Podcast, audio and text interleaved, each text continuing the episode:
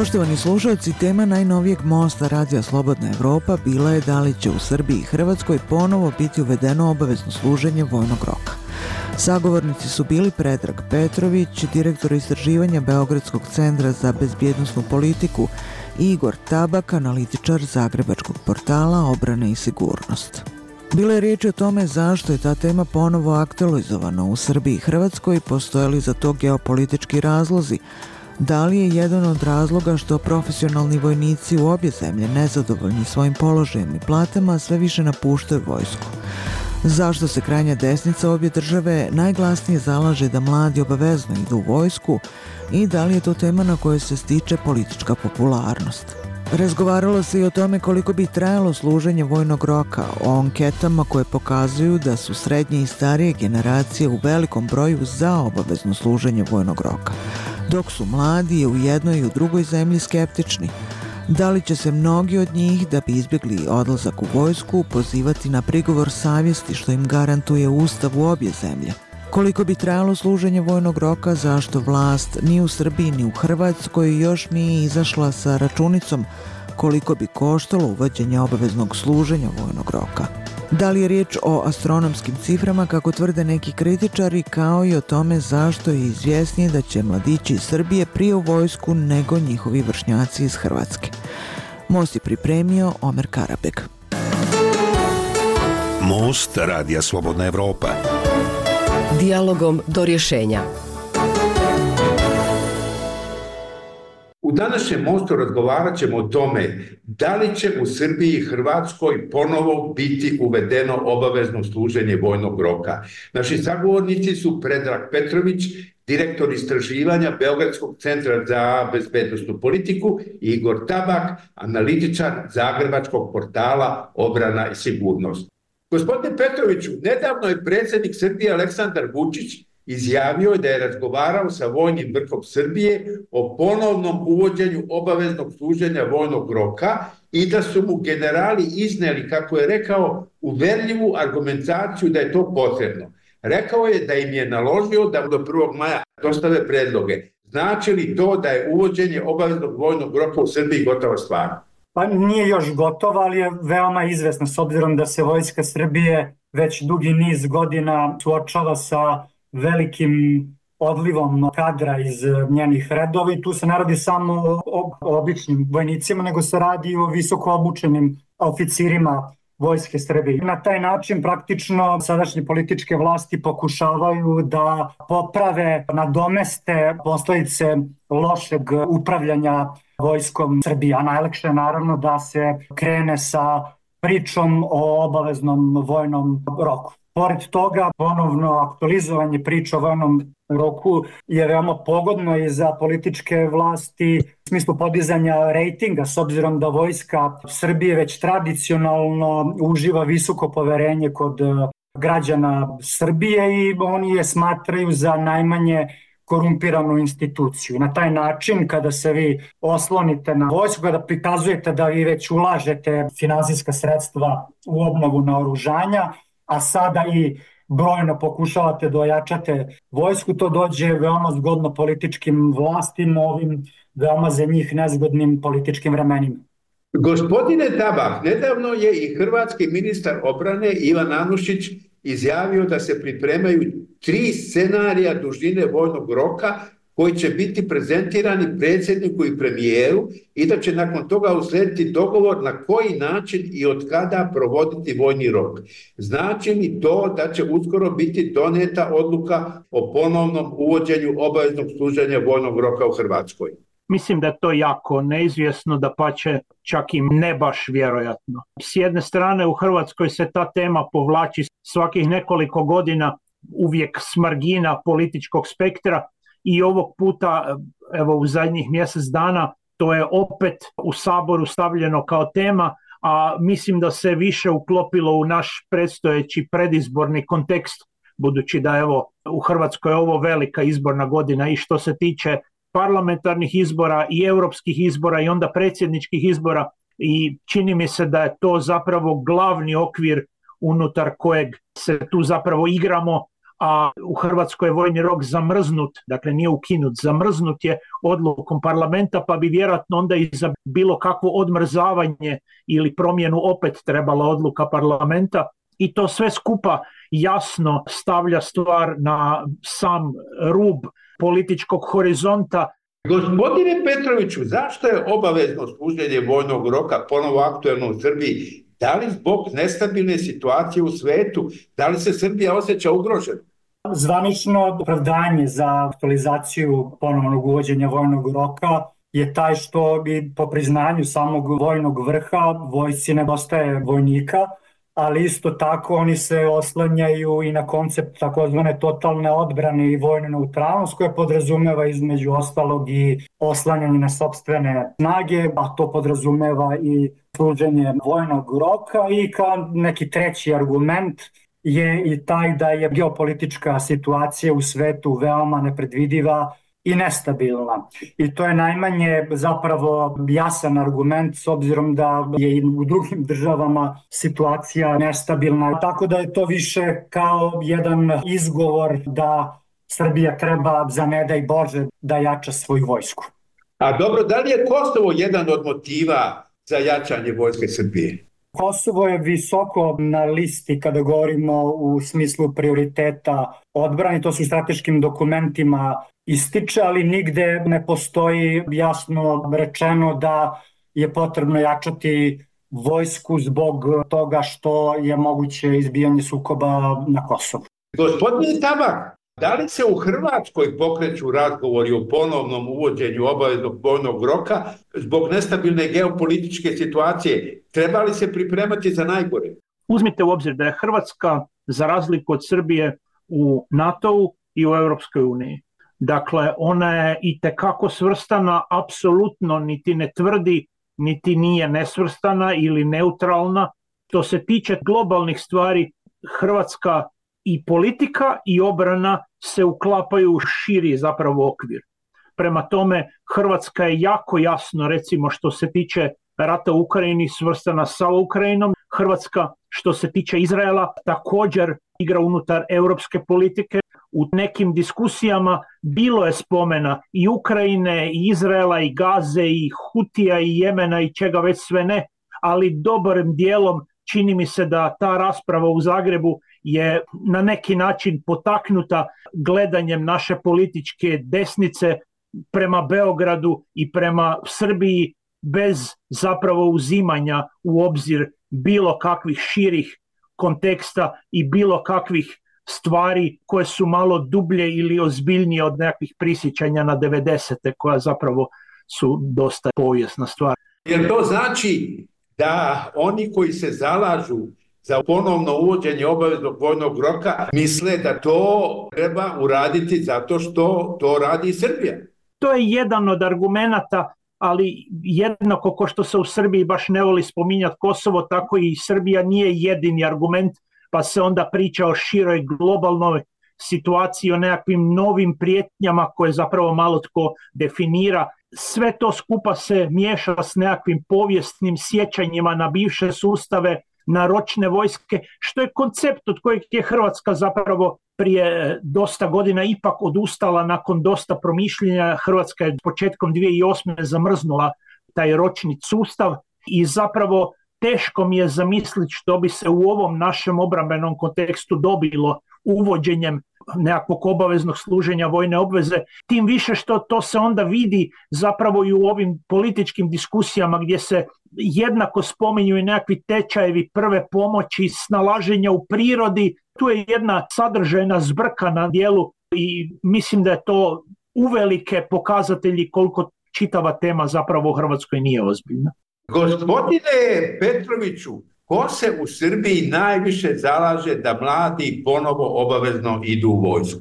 Naravno, tu se vlast najviše zalaže i ona je u prethodnih skoro deset godina u nekoliko navrata oživela tu ideju i stavljala je na političku agendu, a pored toga tradicionalno desničarske političke partije, jer svuda kod desničara vojska predstavlja stub nacije, stub države i za njih je normalno da mladi ljudi se obučavaju i stiču i samo vojne veštine, već i da stiču moralne vrednosti u vojsci. Desnica koja se zalaže, ta desnica je u opoziciji. U opoziciji, da. A kakav je odnos proevropske opozicije? Uglavnom smatraju da se radi o jednom politikanskom pokušaju vlasti da pokriju neke afere koje su trenutno aktualne sa vojnim rokom. Poštovani slušaoci, pratite Most radija Slobodna Evropa, u kome se razgovara o tome da li će u Srbiji i Hrvatskoj biti uvedeno obavezno služenje vojnog roka – Sagovornici su Igor Tabak, analitičar Zagrebačkog portala Obrana i sigurnost i Predrag Petrović, direktor istraživanja Beogradskog centra za bezbednostnu politiku. Voditelj je Omer Karabeg.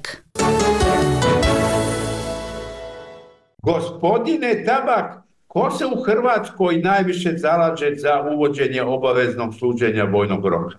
S jedne strane to je također desna opozicija, koja je zapravo politički nerelevantna, dok ljevica i centar zapravo nisu zato i to jako glasno. HDZ trenutno igra igru, dakle to je desni centar i čini mi se da u predizbornom kontekstu s jedne strane desnijem spektru krade ideje, pa evo među ostalim i pitanje vojnog roka, čisto preuzevši tu raspravu i rastegnuši ju do nekakvih izbora, da bi zapravo to sve uvelike bilo prilično neozbiljno. To je jedan igrokaz koji se kod nas već po peti, šesti put ponavlja zadnjih šest, sedam godina i ovo je još jedna repriza, a opet s jednako malo konkretnih podataka, s jednako malo konkretnih procjena troškova, gdje u isto vrijeme pravo opremanje oružanih snaga, prava modernizacija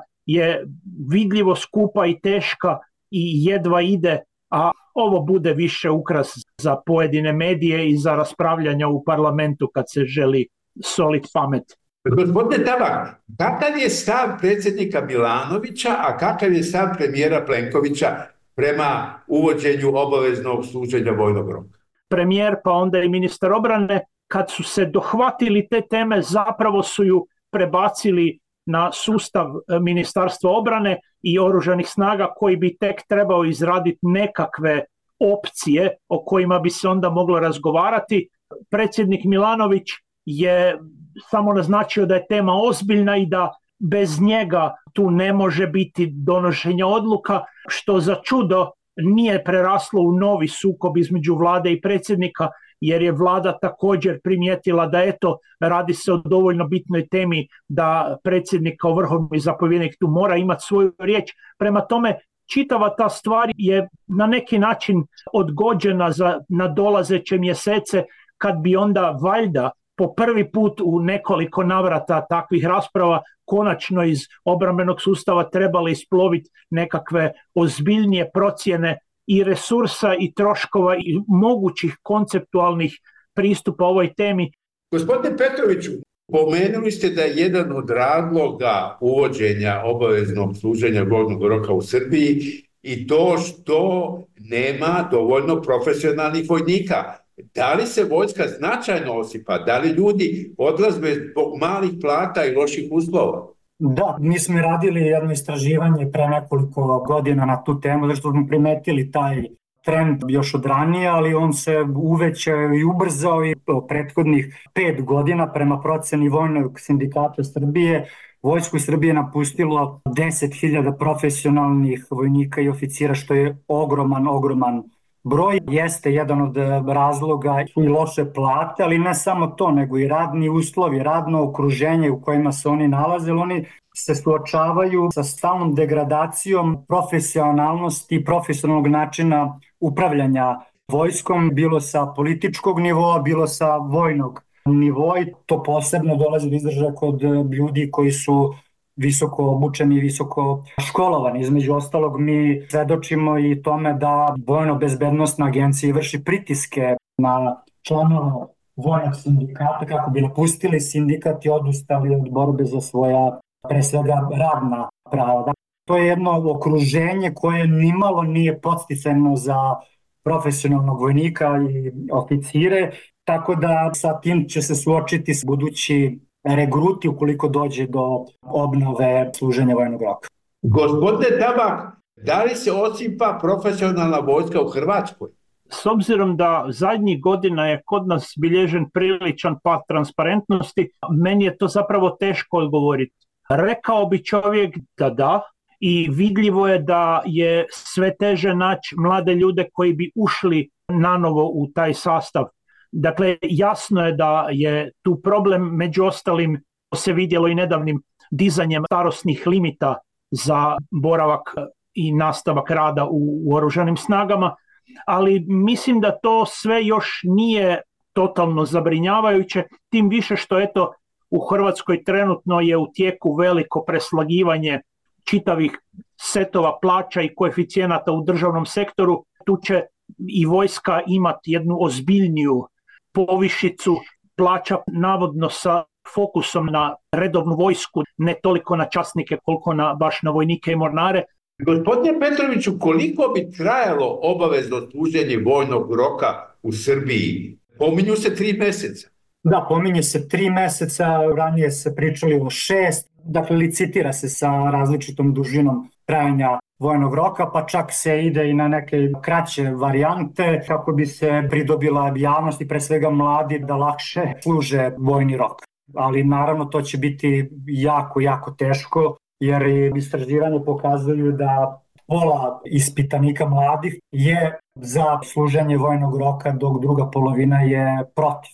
Za pretpostaviti da te polovine koji su za svakako bi jedan broj njih uložio prigovor savesti. Tako da sa tim onda brojkama treba uklopiti i dužinu trajanja vojnog roka. Imam utisak da se za ponovno uvođenje obaveznog služenja vojnog roka najviše zalažu oni na koje se ta obaveza ne bi odnosila. Da, da, svakako. Najviše ljudi srednjih godina i stariji se zalažu za ponovno uvođenje. Kada pogledamo da javno-njenske istraživanja, 70% građana je za, međutim većina onih koji su za to su ljudi srednjih godina i stariji. Oni imaju neka druga sećanja na ta vremena, na neki za njih sistem koji je bio znatno bolji, uređeni, disciplinovan, imaju jednu znatno romantizovanu predstavu o tome kako vojska funkcioniše između ostalog i kao razlozi se navode zašto bi sad trebalo uvesti ponovno vojni rok da se mladi nauče redu, disciplini, dakle sve nešto što nije glavna uloga vojske, već pre svega porodice. Gospodine Tabak, da li se u Hrvatskoj razgovara o tome koliko bi eventualno trajao vojni rok ako bi bio uveden? Da, i tu se licitira od mjesec dana, dva, tri, čak tu i tamo neki su spominjali i duže, ali to su sve zapravo stvari još uvijek bez službene podloge, kao evo, ko što je kolega spomenuo u Srbiji, u Hrvatskoj se uvelike takve teme zapravo redovito pokreću i nalaze najbolju publiku u starijoj populaciji gdje se onda čuje da mlade treba naučiti redu, treba ih naučiti ranom ustajanju, slaganju kreveta, slušanju starijih i autoriteta, treba na neki način ih odmaknut od kompjutera i ekrana, tu znaju biti dodane i nekakve sportske priče o tome da treba im nabiti kondiciju, treba ih uvježbati da trče kroz prirodu po mogućnosti više kilometara, jer evo današnji mladi em budu pretili, em se ne bave sportom ko što bi trebali, em ne slušaju ko što bi trebali. Dakle, to je dobrim dijelom sadržaj te priče. Da li ima konkretnih predloga o tome koliko bi trajalo služenje vojnog roka?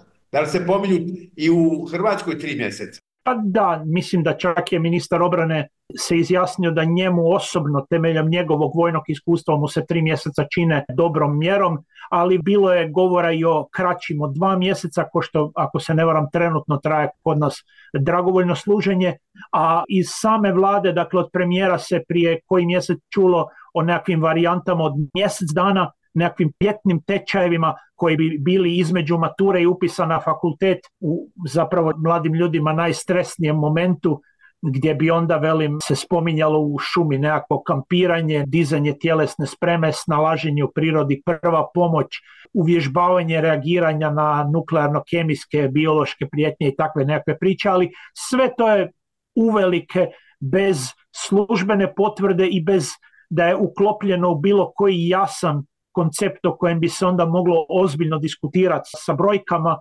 a kamoli da to se prelije u parlamentarnu raspravu. Poštovani slušaoci, pratite Most Radija Slobodna Evropa, u kome se razgovara o tome da li će u Srbiji i Hrvatskoj biti uvedeno obavezno služenje vojnog roka. Sagovornici su Predrag Petrović, direktor istraživanja Beogradskog centra za bezbednostnu politiku Igor Tabak, analitičar Zagrebačkog portala Obrana i sigurnost. Voditelj je Omer Karabeg. Gospodine Tabak, našao sam podatak da se 2007. godine preko 70% mladih u Hrvatskoj pozvalo na prigovor savjesti da bi izbjegli da idu u vojsku. To bi se naravno ponovilo i sada ako ponovo bude uvedeno obavezno služenje vojnog roka. Ti podaci otprilike odgovaraju većina mladih je tada izbjegavala služenje vojne obveze. Pri tome ono što još gorije, njihovo civilno služenje koje je onda bilo i dužeg trajanja, zapravo je bilo organizirano dosta kaotično pa se teško može reći koliko je to zapravo radnih sati bilo odrađeno, a još se manje može reći koliko je taj sav odrađen posao vrijedio ondje gdje se obavljao, jer evo u nekim zapadnim zemljama vrijednost takvog civilnog služenja je jedan veliki argument za zadržavanje čitavog sustava obveznog služenja. Djelovanje mladih koji nisu s puškom i u hitnoj pomoći i u službama zaštite spašavanja u nekim zapadnim zemljama predstavljaju jednu ozbiljnu društvenu, ali i financijsku vrijednost koju se kod nas nije obračunalo kad se je o tim stvarima razgovaralo i onda je čitav sustav bio zamrznut zapravo praktički ukinut budući da su i nekretnine otišle izvan obrambenog sustava i čitava ta mašinerija je rastavljena. To je samo jedan aspekt problema s civilnim služenjem koji onda naravno se nadovezuje na sve ove priče o obvezama ovakvog ili onakvog tipa. Gospodine Petroviću, vi ste rekli da prema istraživanju otprilike 50% mladih je za uvođenje obaveznog služenja vojnog roka, a 50% protiv. Da li je urbana populacija mladih više protiv nego ruralna? Da, da, to svakako urbana populacija tradicionalno je protiv služenja vojnog roka. Vojska Srbije je zapravo iskusila poteškoće kod tradicionalno naklonjene mlade populacije sa juga Srbije koji su išli rado na dobrovoljno služenje vojnog roka ili su išli u profesionalni sastav Vojske Srbije da u poslednjim godinama nisu baš tako voljni da to učine. Tako da to osipanje je vidno čak i kod ruralne populacije. Znači, ne važi više ona stara maksima rado Srbi lide vojnike. Pa to davno ne važi. To je opet jedan od naravno mitova. Gospodine Tabak, da li u Hrvatskoj postoji ikakva računica koliko bi koštalo uvođenje obaveznog vojnog roka? Ne, ne, do sad se nijednom nije došlo do toga.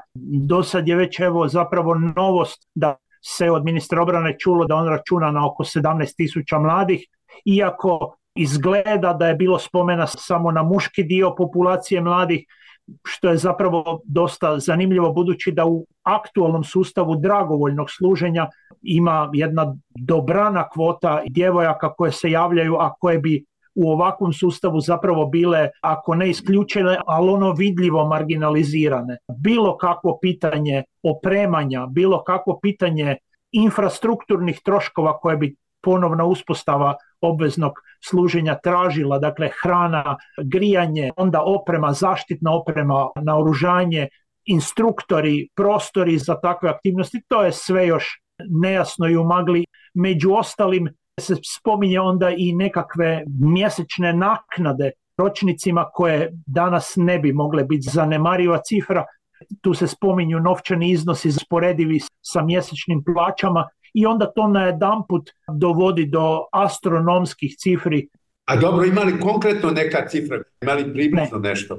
Ne, ne, ne. U Hrvatskoj se nije zapravo došlo ni u jednom momentu do ikakve iole zaokružene cifre koja bi definirala troškove potrebne za novu uspostavu takvog sustava.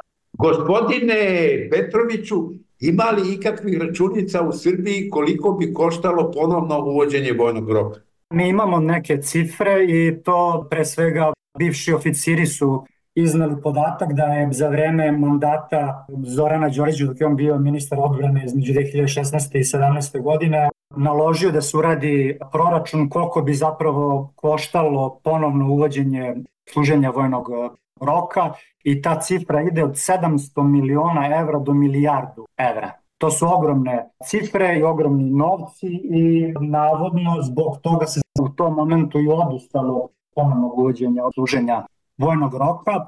Međutim, ono što mi danas možemo da čujemo od predstavnika vladajuće partije, ali ljudi iz vojske koji se nalaze na visokim položajima, da je zapravo ta cifra bi danas bila znatno, znatno manja jer je navodno vojska Srbije znatno uložila u svoju infrastrukturu i kasarne. Iskreno ja čisto sumnjam da je obim ulaganja u infrastrukturu tog nivoa i cene umeđu vremenu su znatno, znatno skočile. Tako da svakako da je ta cifra ogromna, ali to ne treba da smatramo kao veliku prepreku za vladajuću partiju. Ona voli te velike infrastrukturne projekte i za nju bi to bio jako dobar biznis, s obzirom da je navikla da operiše sa tim velikim infrastrukturnim projektima, grandioznim i onda da se hvali kako je eto zadužila zapravo buduća pokolenja. Znači nikakva konkretna cifra sad kad je ponovo oživljeno, kad je Vučić dao nalog da mu se pripremi predlog do 1. maja, znači nikakva konkretna cifra nije pominjana. Ne, ne, ne. Ima li spekulacija odakle pare za to? Jer Srbija sad ima dosta velike troškove, organizuje se i Expo koji jako puno košta, to bi bio veliki dodatni trošak. Odakle pare? Jel bi to došlo iz zaduživanja ili odakle? Pa verovatno kao i do sada kroz zaduživanja. I na kraju u zaključku, gospodine Petrović, da li će mladi u Srbiji uskoro morati vojsku? Teško je to sad e, zaključiti, meni se čini da je vladajuća partija ozbiljna u nameri da pokuša ponovno uvođenje obavezno služenja vojnog roka jer se suočava sa problemom popune jedinica, a druge strane opet je to jako prigodno za pridobijanje političkih poena. Gospodine Tabak, mislite li vi da će mladi u Hrvatskoj uskoro krenuti da služe obavezni vojni rok? Prilično jasno da kad bi ta tema i stvarno se zakotrljala u politici, kad bi uspjela sadržajno doći do sabora, kad bi sabor i izglasao nešto takvo, to nije odmah neposredno na vidiku. Ono što će se puno prije vidjeti je dolazak prije nekog vremena kupljenih borbenih aviona Rafale koji su također jako jasno stavljeni u politički i predizborni kontekst gdje je jasno da barem u nekim završnim, ako ne ranim predizbornim skupovima bilo bi dobro imati prelete eskadrile borbenih aviona iznad glava vladajućih političara, a onda u tom svjetlu zapravo obvezni vojni rok je, da velimo, na dugom štapu. Dobro, evo ako se slažete, ja bih sada završio ovaj razgovor. Hvala gospodine Petroviću. Hvala vama. Hvala gospodine Tabak. Hvala. Bio je to most u kome su naši sagovornici bili Igor Tabak, analitičar Zagrebačkog portala Obrana i sigurnost i Predrag Petrović, direktor istraživanja Beogradskog centra za bezbednostnu politiku. Posrednik u razgovoru bio je Omer Karabeg. Most Radija Slobodna Evropa. Dialogom do rješenja.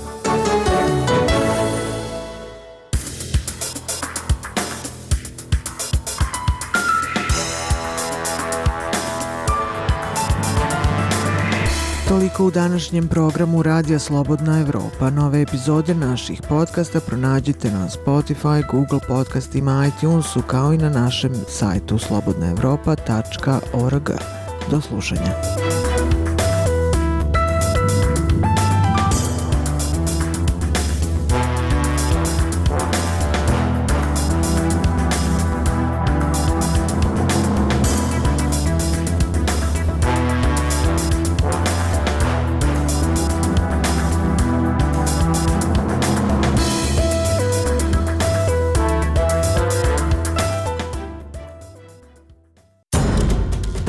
Zašto rat? Kako rat? Zamrznuti i odmrznuti, teritorijalni, napadački, odbrambeni, narko, ekonomski, energetski, hladni, trgovački, građanski. I kad do toga dođe, ljudi više nisu važni. Ne svi ljudi. Oni koji ih vode, oni su važni i sklonjeni od rata. Pa i jezik pregrizla potencijalnog trećeg svjetskog. Svijet se prestrojava, vidljivo je i najvećem lajku. Samo nek se mirno i dostojanstveno prestroji i molit ću lijepo. Ne mogu ni da vjerujem da pričam o nekom trećem svjetskom, a još mi granate iz 90-ih šište u ušima. Ja sam Leila Omeregić Ćatić, ovo je podcast ZIP za viri ispod površine u kojem ću uz pomoć svojih sagovornika pokušati da dođem do nekih odgovora koliko se može, jel te? Kako smo to za Boga u 21. najnaprednijem vijeku istoriju čovečanstva dospjeli tu gdje jesmo?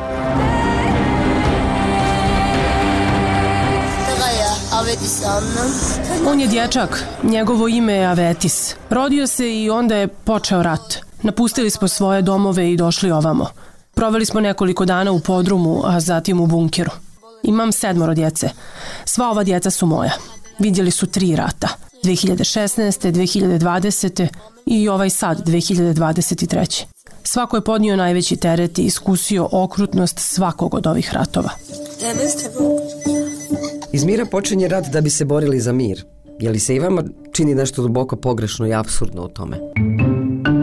Ok, takva moja pretpostavka je možda naivna ako uzmem obzir istoriju ratova, nerazriješene konflikte iz prošlog ili prošlih vijekova, grupne ili lične, političke, financijske, energetske interese. I još lako zapaljive ideologije, populizam, dogme. I još sva čuda interneta, društvenih mreža, vještačke inteligencije. Ogromni jaz između siromašnih i bogatih. I Tukididovu zamku koja će kasnije biti pojašnjena. Ima ratova i mirova istovremeno u kojima ljudi žive i umiru skupa već decenijama, pa se i ne može reći gdje počinje rat i završava mir i obrnuto. Ali primijetili ste, jezik poznaje samo jedninu za mir. Nema mirova, ima mir, iako nije u svjetskoj jednini, u neprestanoj smo opasnosti i sve nas se tiče. Prema Global Conflict Trackeru, u svijetu se trenutno vodi 30 ratova. Tracker ih kategorizira u tri grupe, pogoršane, nepromijenjene i poboljšane, od kojih je samo 10 iz zadnje dvije kategorije. Ostali su iz prve pogoršane.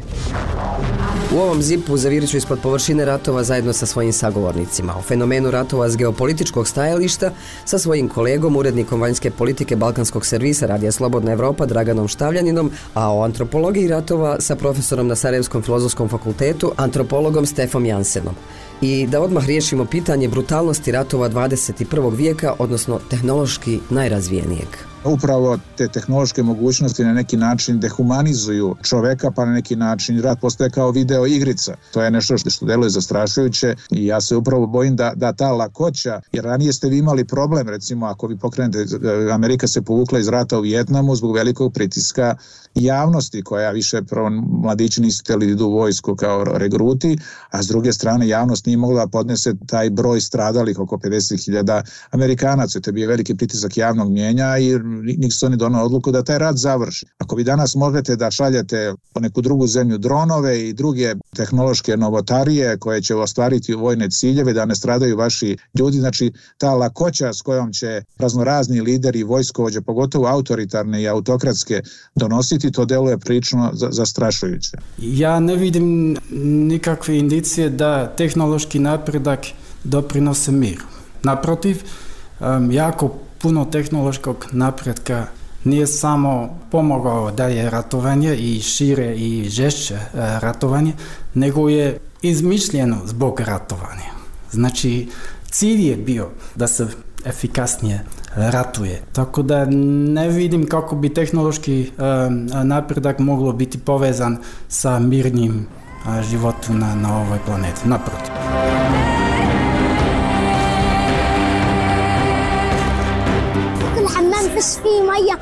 Da vam pokažem kupatilo, nema vode, a odvratno je. Dobila sam osip pošto nije čisto i gadi mi se. Voljela bih da mogu biti normalno dijete koje živi bez rata, bez raketa, kako bismo se sigurno vratili kući. Treći svjetski rat je počeo, a mi smo još u drugom. Jedan je od komentara koji sam jednom pročitala na Instagramu i odnosi se na ovdašnje prostore. Tragikomičan je i dubok po više nivoa, pa s kolegom Štavljaninom razgovaramo o istoriji ratovanja, vezama i poređenjima s današnjom geopolitičkom situacijom, u tom kontekstu i sve češćem pominjanju trećeg svjetskog i nesretnoj Tukididovoj zamci.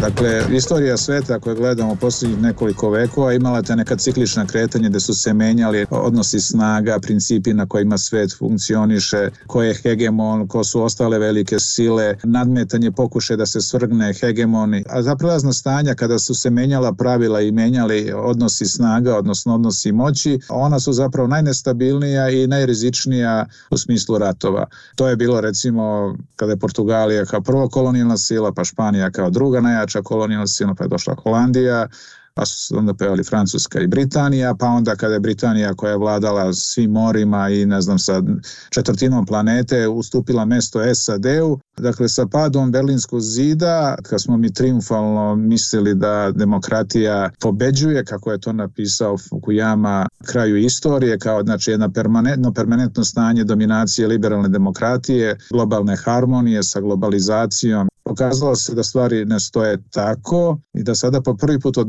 moderne, dakle još od vremena humanizma i renesanse, kasnije nešto prosvetiteljstva, ne zapadni akteri dovode u pitanje, kako oni to kažu, zapadnocentrični sistem koji je funkcioniše posljednjih nekoliko vekova i da je ta smena hegemona bila unutar tog zapadnog narativa, ovo što sam pomenuo od Portugalije, pa do SAD-a. Sada imamo ne zapadne aktere, mada Rusija delimično, da kažem, uslovno rečeno, deo tog zapadnog civilizacijskog kruga, ali da ulazimo te detalje, ali mislim na Kinu, mislim na Indiju, na neke druge, koji žele da taj e, globalni poredak se e, promeni. Naravno, oni takve zahteve postoje na osnovi neke svoje moći koja je sve veća, pre svega Kine, E, također principi na kojima funkcioniše sve, dakle globalizacija, liberalni internacionalni poredak, liberalna demokratija se dovode u pitanje i nekih drugih nedemokratskih autoritarnih tendencija, neliberalna demokratija, dakle kao posljedicu svih tih pomeranja koja traju već više godina, pa da kažem i decenija,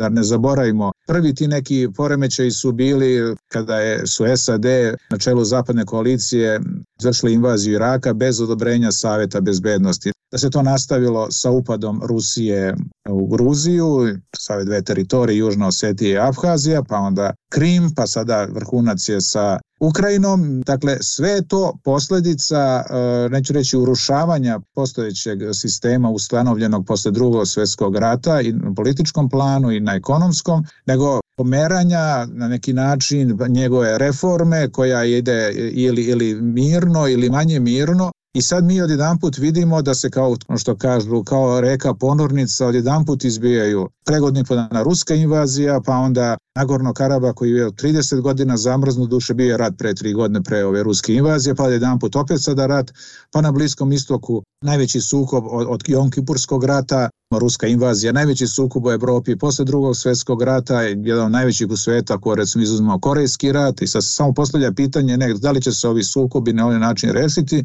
nego koji će novi izvid. Na prvom mjestu je kandidat e, Tajvan, odnosno i ta priča o Tajvana koji je zapravo naj, sukob sa najvećim potencijalom da preraste u treći svjetski rat. Pomenuo si treći svjetski rat, to sam i htjela da te pitam. Kad je Rusija napala Ukrajinu, već se počelo pričati o tome. Zašto? Jel mora biti, prije je bilo ratova ovaj, istovremenih jel, u raznim krajevima svijeta. E, zašto se sad priča o trećem svjetskom ratu? Neki smatraju da je zapravo treći svjetski rat već počeo na određene načine, ali mi toga još nismo u osnovi svesni. E, bojim se veoma nepovoljnih raspleta i mračnih scenarija jer smo došli u fazu u kojoj i neki izolovan incident može lako da izazove nekontrolisanu spiralu sukoba kao što je to bio Sarajevski atentat 1914. Da ne pominjem i opasnost od upotrebe nuklearnog oružja. A osim tog incidenta treba pomenuti čuvenu Tukididovu e, zamku. Naime, e, istoričar Tukidid piše o situaciji u petom veku pre nove ere, kada je Sparta strahovala jačanja vojne moći Atine i onda je se ona dodatno naružavala. To je izazivalo podozrenje i strah e, Atine i ona se dodatno naoružavala i to je dovelo do Peloponeskih ratova. Mi smo sada svjedoci dakle, na modern način primjene Tukididove zamke gde Kina nastoji da pristigne SAD. SAD naravno pokušavaju da tome pariraju i onda postoji opasnost da dođe do sukoba oko Tajvana. Pri čemu naravno taj balans moći može s jedne strane da i balans snaga, da ravnoteža snaga, da na neki način obeshrabri sve strane da uđu jedan takav sukob. Ali s druge strane, upravo ta Tukididova zamka sugeriše da se ne može ni u tom, da kažem, bestežinskom stanju večito funkcionisati. Naime, ako Kina, na primjer, bude previše odugovlačila napad na Tajvan, To se može protumačiti i kao slabo sadašnjeg režima u Pekingu, a i da susedi koji strahuju jačanja vojne moći Kine mogu da pomisle da Kina nije baš tako snažna i da ne treba da strahuju. S druge strane, Kina također strahuje da ako predugo ostane Tajvan po strani, da će se razviti taj posebni tajvanski identitet i će posle biti kasno da, da interveniše. Dakle, ona, dakle, ne samo incident, nego sistemski je u izazovu da, da, da krenu eventualno neki takav rat. Istovremeno SAD koje s jedne strane šalju vojnu pomoć Tajvanu, a s druge strane priznaju vlasti u Pekingu kao jedinog predstavnika Kine u međunarodnim odnosima, držeći se principa takozvane strateške ambivalentnosti. Ukoliko bi u slučaju napada Kine na Tajvan ostale po strani, dakle ako ne bi intervenisale na strani Tajvana, to je bio signal svim ostalim zemljama u okruženju da SAD više nisu strateški prisutne i dominantne u Aziji i da se pojavio da kažem, novi gospodar, novi vladar u Aziji, a to je Kina, kojoj bi se te zemlje iz okruženja morale prikloniti i prihvatiti njegovu neospornu ulogu i uticaj. Stoga bi SAD morale te kako da razmisle kako bi postupile u takvoj situaciji u slučaju napada Kine na Tajvan. S druge strane, kada je reč o ratu u Ukrajini, dakle imamo situaciju u kojoj Rusija ili Putin ne može da se povuče tek tako jednostrano, i bi to doživeo kao svoj lični poraz i kao poraz Rusije. S druge strane, Evropa i Zapad generalno su prinuđeni, da kažem, osim moralnih razloga, i iz taktičkih i interesnih razloga da pomažu Ukrajini, jer ako Rusija pobedi Ukrajini, sledeći na udaru potencijalno mogu biti Gruzija, Moldavija, Baltičke zemlje kao članice NATO-a. I zato u, u poslednjih e, nekoliko meseci, kako eto sada se obeležava druga godišnica od rata u Ukrajini, sve više zapadnih zvaničnika upozorava da će Rusija ako uspe da pokore Ukrajinu nastaviti ekspanziju prema članicama NATO-a, pre svega kao što sam rekao na Baltičke zemlje, a potom i dalje riječi međunarodnih tijela za mir nemaju težinu. Pa, Zašto nemaju težinu? Zašto? Pa nemaju težinu zato što živimo u svetu u kome tako danas Ujedinjene nacije deluju paralizovano. Zašto? Što ko čini Ujedinjene nacije? Čini zemlje članice. I ako ne postoje, ako ne postoji konsenzus o ključnim principima na kojima se uređuju i upravlja međunarodnim, odnosno svetskim odnosima, ako oni zavise od interesa, od savezništava, od odnosa snaga, odnosno od odnosa moći, onda će naravno biti paralizovani i onda će kao i u ovoj priči sada oko Izraela, sve to što govore tamo neki eksperti Ujedinjenih nacija ili što govore neke komisije za ljudska prava, to što kažu pada na, na, na gluve uši i to, i to je opasnost. Dakle, mi živimo u svetu u kome ne postoji elementarni konsenzus o principima na kojima međunarodni poredak treba da funkcioniše i to je izvor velike nestabilnosti i velikih rizika koje lako mogu da skliznu u, u, u rat. Kada je počeo prvi svetski rat, nikoga tada nije zvao svetskim ratom. Bio nazivan takozvani veliki rat koji je imao za cilj da nakon njega se ukine mogućnost pojave e, bilo koga rata. Takođe, kada je izbio taj rat sukobom Austro-Ugarske i Srbije, mislilo će biti lokalni rat u kome će Austro-Ugarska brzo da kazni Srbiju za, za atentat u Sarajevu. Čuveni britanski ministar inostranih poslova Edward Grey je rekao opet jedno dosadno leto, Austro-Ugarska je objavila rat Srbiji, za mesec dana cela Evropa je bila u ratu. Te kasnije je upotrebljena ta sintagma prvi svetski rat. Drugi svetski rat naravno izbio kako je izbio i već pred kraj drugog svetskog rata se govorilo kada se, se videlo da će nakon drugog svetskog rata, iako su bili na istoj strani Sovjetski savez s jedne i uh, zapadne zemlje s druge, da će doći do ideološke podele sveta, već se tada govorilo o opasnosti od trećeg svetskog rata. Čujena izjava Alberta Einsteina je dakle bila i odmah posle drugog svetskog rata, kad su Amerikanci potrebili nuklearno oružje, pa su ubrzo do njega došli u njegov posjed i Sovjet je rekao kao, kad su ga pitali kako će se voditi treći svetski rat, da ne zna, a da zna će četvrti svetski rat voditi da toljagama i kamenjem. Dvojim nešto oko nuklearnog naružavanja. Da li je to garant svjetskog mira ili garant uništenja i samouništenja? Jel, onako razmišljala sam o tome u smislu balansa straha ili ono kao može se pojaviti neko i samo hajmo. E pa, kao što sam rekao malo pre za onu, onu sintagmu da je, da je ovo veliki rat e, na početku prvog svjetskog rata koji će ukinuti i dokinuti sve druge ratove, tako se isto smatralo da je pronalazak nuklearnog oružja garant da svet neće, e, ne samo da neće doći do te apokalipse, nego da će i ratovi biti sve manje vođeni. Međutim, mi smo vidjeli odmah posle drugog svjetskog rata taj korejski rat u kome su učestvovali i Amerika i Kina i Sovjetski savez indirektno i tako dalje, veliki sukob koji mogu isto preraste u nuklearni rat. Pa smo vidjeli kao što se desilo na Kubi, na kraju je prosto pronađeno neka rešenja, dakle strah od destrukcije. To je paradoks, taj strah od upotrebe nuklearnog oružja koji će dovesti do kraja civilizacije, koji je od svih ovih decenija služio kao najzapravo važniji sistem odvraćanja, ni on više nije garant. Zašto? Pa neće doći do potpunog kraja civilizacije. Ljudi koji donose odluku ili će doneti odluku o eventualnoj upotrebi nuklearnog oružja, nadamo se da neće, oni će biti u specijalno izolovanim bunkerima iz koji će donositi odluke, stradaće običan sve, stradaće ogromna većina ljudi na ovoj planeti, a ti ljudi koji odlučuju to meni će ostati kao nekoj novoj barci započeti neki, neki novi život uslovno rečeno. Dođe smo i do science fiction, jel? Da, da, da, pa, da nažalost to je realnost. Dakle, upravo to. E mi sada vidimo da te raznorazne stvari koje su bile science fiction, to je počelo sa 11. septembrom, taj napad terorista koji je bio nezamisliv do tada se desio i ne samo 11. septembar, on je bio početak mnogo, mnogo čega. To je kao neki duh iz boce koji je izašao i ja se bojim da on sada luta i ne, ne zna se u kom pravcu će otići. Možda zvuči ako apokaliptično. Ja ako na osnovu nekog svog skromnog životnog iskustva i onoga što sam pročitao, što znam, a naravno mnogo toga ne znam, nekako imam jedan realni osjećaj da je svet uvek prolazio kroz, ili vrlo često prolazio kroz neke velike izazove, kataklizme i tako dalje i uspeo je da nađe e, način kako da nastavi dalje. Ja mislim e, da će i naći i prevazići i ove faktore, dakle da neće doći do kraja, kako to kažete, smaka sveta, kako bi rekli e, na, narodski. Naša je obaveza da ne vežemo ruke budućim generacijama jer oni imaju isto pravo. Ono što kažu borci protiv klimatskih promjena, mi već krademo od budućnosti. Posmatrana iz svemira, zemlja se doima mirno. Poput svjetlucavog, bijelo-plavog bisera treperi na crnoj podlozi svemira. U našem sunčevom sistemu još je sedam planeta.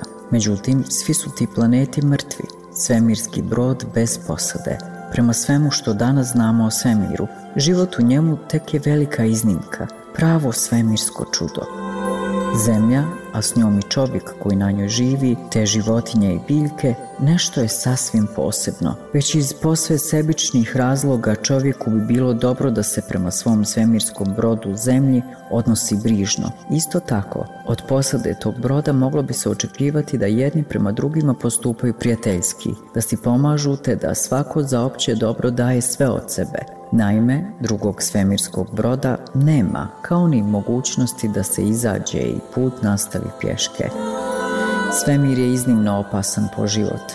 Postoji li onda nešto gluplje nego pretvoriti i sam svemirski brod u po život opasno mjesto? Igrom sudbine, ljudski je rod na svemirskom brodu zemlji, a posada ne zna cijeniti ljepotu, vrijednost i nevjerovatnu jedinstvenost te planete – umjesto da se u prvom redu brine za očuvanje svemirskog broda, a ponajprije njegovih sigurnosnih sistema, na primjer atmosfere, svim se silama trudi da ih uništi.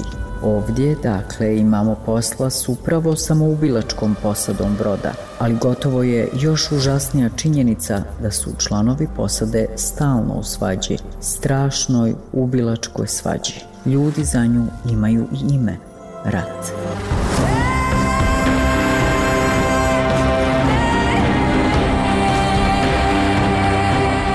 O svemiru, planetama, zemlji i posadi svemirskog broda bili su dijelovi iz knjige Knjige o ratu Zašto ljudi ne mogu živjeti u miru Gerharda Štaguna, njemačkog novinara i pisca.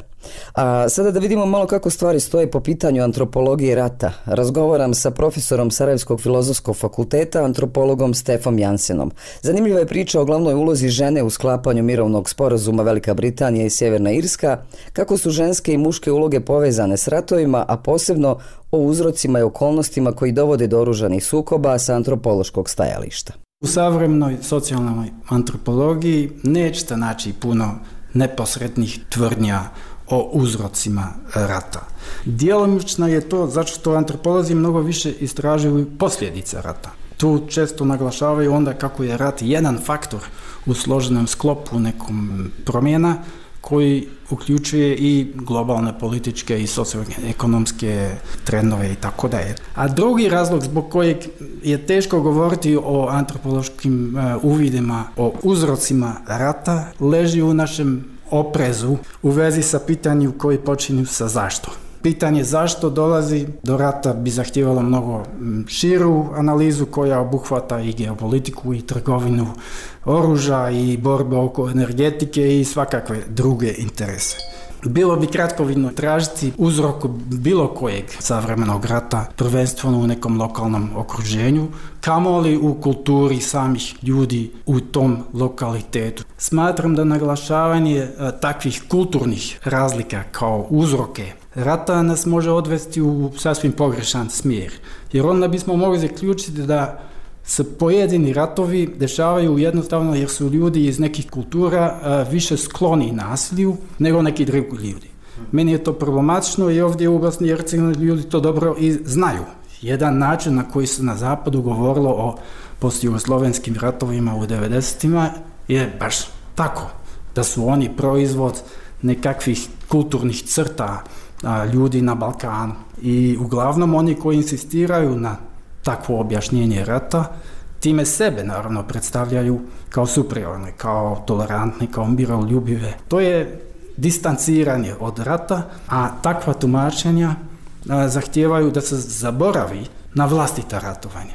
Na primjer na drugi svjetski rat, ali i recimo na u 90 na rat u Sjevernoj Irskoj koji je itekako trajao u isto vrijeme.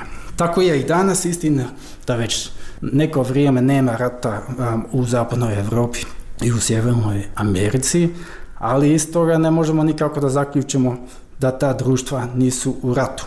Samo se ti ratovi vode negdje drugdje, negdje daleko, svakako daleko za njih naravno. U tom kontekstu savremene antropološke studije rijetko traže objašnjenje prvenstveno u kulturi samih ljudi, u lokalitet gdje se dešavaju ratovi, a naprotiv mi najčešće pokušavamo da pokažemo povezanosti između dalekih ratova i nekih drugih pojava u drugim mirnim mjestima i oni nam se možda čine potpuno odvojena, ali u stvari nisu. Klasičan primjer toga su istraživanje migracija na takozvanoj balkanskoj ruti. Mhm.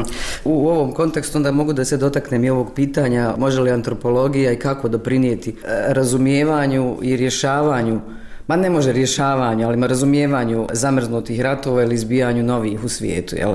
Ok, e, sigurno možemo doprinijeti razumijevanju. To i jeste glavni zadatak antropologije. Mi pokušavamo da gledamo na događaje, na društvene procese i pa i na ratove iz perspektive samih ljudi koji ih doživljavaju.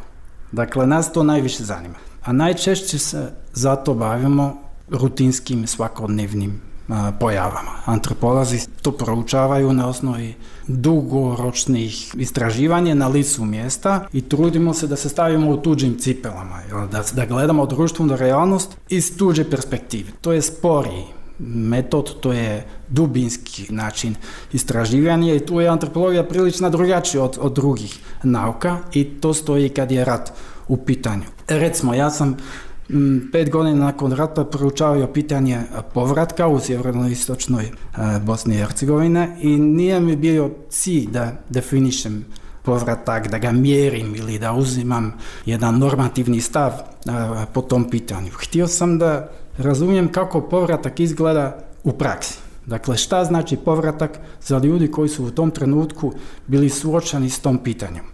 Da li se vraćaju ili ne, pod kojim uslovima, koji iz porodice će se vratiti i ko neće i tako dalje i tako dalje. Tako se i moja studija sve više vrtla oko pitanja u stvari doma i to je relevantno pitanje za sve nas. Šta je nama uopšte dom? Pokušavao sam da povratak razumijem iz perspektive samih ljudi koji su suočavali s tom izazovom. I naravno, tu nikad nije riječ samo o jednoj perspektivi. Kada je rat u pitanju, isto tako naiđemo na različite, ponekad suprotstavljene doživljaje i tumačenje. I to ne samo između etnonacionalnih skupina, nego i na, na rodnoj ili dobnoj osnovi ili po liniji civila, boraca ili po lokaciji, čak i unutar samog e, opkoljene koja je Sarajevo između naselja i tako dalje. Dakle, to se sve tiče razumijevanja, ali vi ste pitali šta antropolozi imaju ponuditi za rješavanje rata i zamrznutih a, sukoba. To je naravno mnogo teži zadatak. A tu bi spomenuo sklapanje mira u Sjevernoj Irskoj u 98. godini. U javnosti se stvara utisak da je tu sa britanske strane bio najbitni faktor Tony Blair. Međutim, ključna britanska političarka iza tog mirovnog sporazuma je bila jedna žena, možda ni to nije slučajno, i ona se zvala Mo Molom i Mo Molom je mjesecima, godinama se posvetila tom procesu. I zato je sigurno bilo potrebna spremnost da upozna, da razumije različite perspektive, sposobnost da sve to tumači u relevantnom kontekstu za same aktere u Sjevernoj Irskoj. I možda nije slučajno da Mo Molom jeste bila antropologinja. A da budem iskren, mislim da većina antropologa ne može da zamisli takvu veličanstvenu ulogu za sebe. Možda i može, evo pomenuli ste dakle žensku ulogu i antropologa i, i naravno da je nemoguće ne postaviti jedno vrlo bitno pitanje kako su ženske i muške uloge povezane s ratovima. To je bitno pitanje u antropološkim studijama rata i njihovih posljedica. Inače, rodne razlike i nejednakosti su ključna tema u antropologiji uopšte. Razlog za to je jednostavan. Svako društvo na svijetu je na neki način organizovano oko rodne podjele. Dakle, rod je centralni faktor u strukturi svih savremenih društava i to je univerzalna stvar. Naravno, postoji brojne i jako, jako velike razlike u načinu na koji to funkcioniše.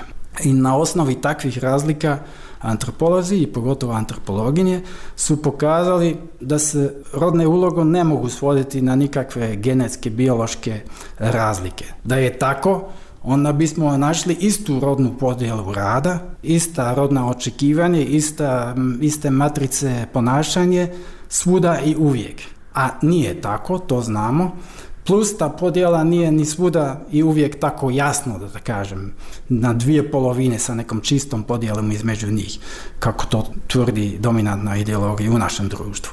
Ali tu možemo uočiti jedan obrazac koji je prilično raširen oko svijeta opet. Razne studije pokazuju da u ratu često dolazi do jačanja patrijarhalnih principa koji i onako vladaju u nekom društvu. I mnoge studije su onda primijetili kako um, ima takvu red tradicionalizaciju u rata i neke institucije to vrlo snažno podržavaju. Ali je mislim bitno da tu ipak govorimo o ideologiji. U praksi ta retradicionalizacija se često samo dešava djelomično. Prvo zato što mnogo žena pa i neki muškarci odbijaju to raditi. A drugo, zato što u tim vanrednim ratnim okolnostima postoji praktični razlozi zbog kojih se ta podjela u rodnim ulogama u stvari zamagljuje, da tako kažem. Neki muškarci su ostali sami i na dugim periodima oni su se brinuli sami o sebi radići i zadatke koji su možda prije toga oni očekivali da im žene rade a neke žene su preuzimali um, svakakve zadatke, odgovornosti koji bi one samo možda prije rata smatrali muškim poslovima. I nakon rata ta iskustva isto ne ostaje bez efekta. Znači imamo na ideološkom nivou definitivno tradicionalizacija koji snažno utiče na stvarne prakse, ali imamo ove kontradiktorne neke okolnosti u kojim se u stvari dešava i nešto obrnuto. Dakle, naiđemo na neka propitivanje koje onda opet nakon rata može dovesti do promjene rodnih uloga i u društvu. Danas vidimo da zemlje rade šta god žele bez odgovornosti. Čini se da je bezakonje pravilo igre. Zato moramo svi biti odlučni u ponovnom uspostavljanju vladavine prava. Kaže to glavni čovjek Ujedinjenih nacija Antonio Guterres, čuje li ga ko i zašto ne čuje? Svjetovi, kad će snovi da se vrate, ratovi prešli su nas, sestro, brate. Kraj je priče o ratovima u podcastu Zaviri ispod površine. Kamo sreće kad bi se to moglo reći i za ratove. Da se pitaš